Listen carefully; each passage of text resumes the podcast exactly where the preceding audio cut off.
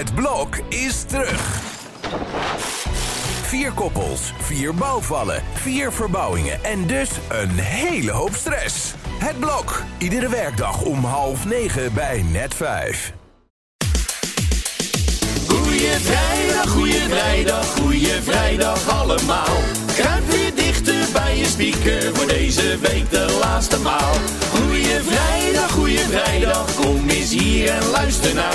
Heb jij ook een vraag voor Evert? Jordi stelt ze namens jou. Ja, niet één vraag, maar misschien wel tien in deze vragenronde XXL. Privé is er voor jou. Ja, dat heeft, dat heeft er niks mee te maken dat ik inmiddels in Wenen zit. Het is Oh. gewoon eh, puur toeval. Ja, het is heel puur toeval. En je hebt ook in één keer zo'n pak aan, wat de minister-president ook altijd op vrijdag aan heeft, dan op zo'n persconferentie. Oh ja. Je neemt het wel heel serieus Zeker, allemaal. zeker. Nee, ja, het is hartstikke leuk om te merken dat er zoveel luisteraars zijn die vragen Ja. insturen. En ehm, ik pak er maar meteen dan eentje bij. We gaan er een hoop behandelen. Irma, die vraagt zich om te beginnen af, wat is nou het mooiste BN'er huwelijk wat jij ooit hebt meegemaakt? Oeh, er zijn er wel een paar. Want vroeger werd er wat meer uitgepakt dan tegenwoordig. Nu het heel in is om dat zoveel mogelijk in het geheim te doen. Nou, het huwelijk van eh, Connie en Hans Breukhoven was geweldig in de Zenders in, in Den Haag. Eerder hadden we daar ook al het huwelijk meegemaakt van eh, Henk van der Meijden. Daar was werkelijk ook de hele artiestenwereld die er toen toe deed. Ja. En eh, ja, de, mijn persoonlijke favoriet is toch wel... Het zijn, behalve dat van Henk en Monica na, zijn het wel huwelijken die allemaal mislukt zijn. Oh. Eh, Jolante en, en Wesley in Italië, dat was echt een weekend om nooit meer te vergeten. Dat was zo'n fantastisch feest. Ja. En wat de buitenwereld ervan meekreeg was hooguit de muziek. En iemand dacht zelfs dat Beyoncé stond op te treden, geloof ik. Maar dat was niet de echte. Maar gewoon de, de bitterballen en de bloemen en alles kwam uit Nederland in een prachtig Italiaans kasteel in Castelnuovo de Bergringa. Ja? Castelnuovo, de naam nooit helemaal vergeten.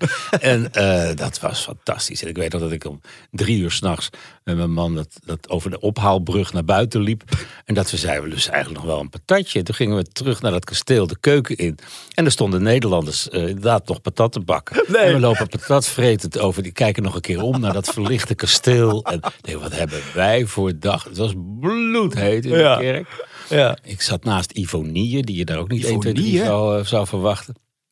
Ja, dat was wel de, het huwelijk wat me het meest is bijgebleven. Wacht even, Ivo Die, stond hij daar ook te dansen? Is dat iemand die dan helemaal losgaat? Heb je dat beeld nog op je In de netvlies? kerk zat ik naast hem. Ik geloof, Oh. ik- op een feest heb ik hem niet meer gezien, geloof ik. Maar daar heb ik heel veel opgetrokken met de vader van Wesley. Ja. En eh, dat was eh, bloedgezellig. Ja, jammer dat dat huwelijk dan toch gestrand is. Hè? Ja, Alhoewel. dat geldt voor Connie en Hans ook. Die waren natuurlijk ook een, een glamour paar van de eerste orde. Met eh, altijd kerstreportages mee deden, vakantiereportages. En ja, dat was wel een mooie tijd. En het mag altijd een centje kosten, dus dat, Zeker, eh, dat maar weer. Nou ja, eh, we hebben ook een vraag van Stan binnengekregen. Die zegt, bij welke BN'er, Evert, zou jij nou nog wel eens in het huishouden willen kijken? En dan niet één dag, maar gewoon eens een weekje meelopen bij een BN'er. Ja, ja, dat geldt natuurlijk vooral voor de koninklijke familie. Als je Oh, ja. ziet hoe leuk de crown is. En, en als je dan voor de geest haalt hoe dat er bij ons, hoe kneuterig het er bij ons aan toe gaat. Ja. Dat zou ik wel heel graag willen. Maar er zijn wel eh, tot de verbeelding sprekende namen natuurlijk. Waarvan je denkt, hoe gaat het? Zijn, zijn die echt zo? Ja. Vrogers, zijn die nou echt zo Gezellig. met elkaar? En, Ja. Ja, dus zulke docu's zou ik nog steeds wel leuk vinden. Nou, het zou mooie reportages eh, opleveren voor in de privé. Die ook iedere week natuurlijk een prachtige cover heeft. En daar heeft Emma een vraag over. Emma. Want hoe ja, kom je er nou achter wie je die week op een cover wil hebben? Hoe bepaal je dat nou eigenlijk? Nou ja, in de week dat het bekend wordt dat, dat justitie Marco Borsato gaat eh, Ja, Vervolgens is die keuze gauw gemaakt, wat mij betreft. Maar dan zie ik de andere bladen en dan eh, hebben die dat weer niet. Dus het is echt mijn keuze geweest. Maar ik denk dat je gewoon een beetje moet aanvoelen wat leeft, waar mensen het bij de koffieautomaat over hebben. En dat kunnen soms best verrassende namen zijn. Ik eh, beperk me niet tot, tot jarenlang deed Sylvie het hartstikke goed. Zeker Oh ja. in die tijd van die scheiding en zo. Maar op een gegeven moment moet je daar weer mee ophouden en moet je weer een nieuwe Sylvie ontdekken. Maxima is op zich een veilige keuze, maar ook nooit spectaculair qua verkoop. Maar eh, als, je, als je een, goede cover hebt, Mhm. ja, dan is dat vaak wel toe te wijzen aan, aan de keuze van de cover. Ja. Op een gegeven moment vond ik het leuk om Caroline van der Plas een keer uit te proberen. Dat is hartstikke goed gegaan. Maar dat is dan wel de week nadat je Barbie op de cover hebt. Dus dat zijn grote verschillen. Dat maar je moet dan ja. net eventjes de goede week hebben. En, en Barbie was een succes. Ja. En Caroline van der Plas op vakantie. Maar met wie? Dat was ook wel een, eh, een hele aardige. En verder, het is altijd wel eh, veilig om eh, de meilandjes of zo te doen. Ja. Maar toen de man van Tineke de, de Schouten ineens overleden was... Oh hebben we die op de cover gehad. En mensen Tineke Stranen, dat willen mensen ook wel lezen. Want ja, Tineke is natuurlijk ook al eh 40 jaar een bekend gezicht in de Nederlandse artiestenwereld. Ja, absoluut. Is het ook wel eens andersom gebeurd? Dat BN'ers naar jou toe komen om te zeggen... ik wil deze week op de koffer. Nee. Of gebeurt dat niet? kan hem ook heel als ze gaan trouwen of een baby hebben, je hebt daar afspraken, exclusieve afspraken over, dan wel natuurlijk. Ja. Maar eh, in het algemeen dringen mensen zich niet op om op de cover te komen. nee. Hoe zou dat nou toch komen?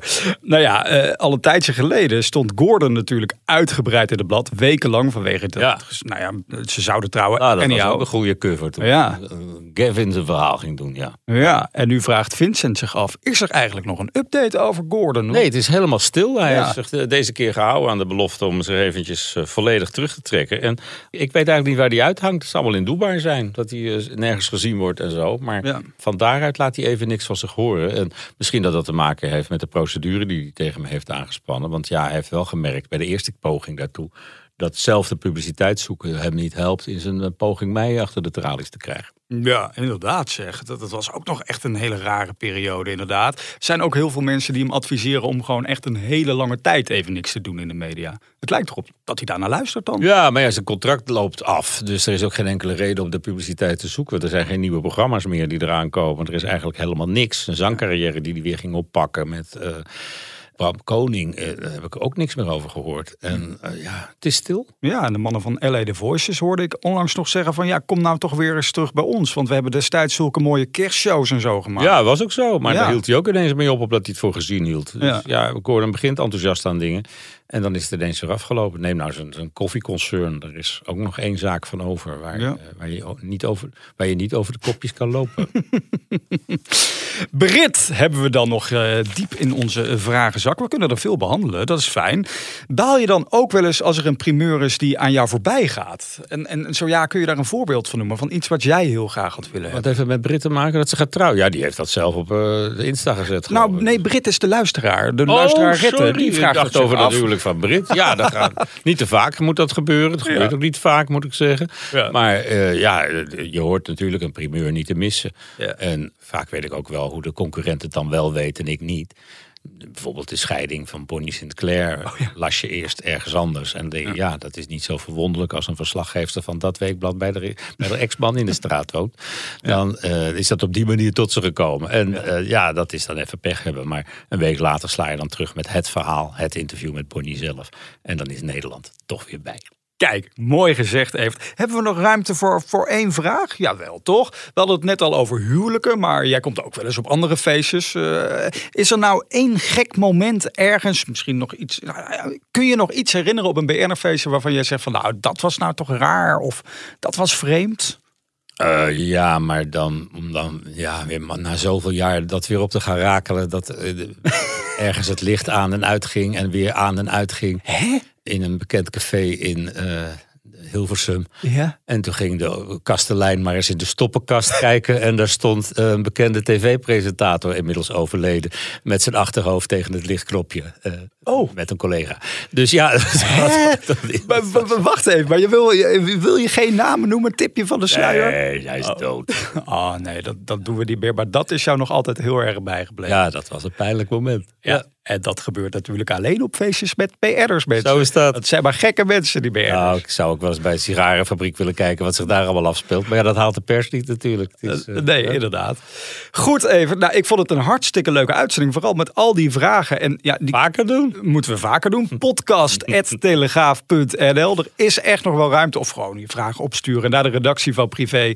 En dan zijn we er maandag weer, Evert. Zo is dat. Mooi weekend en uh, auf Wiedersehen.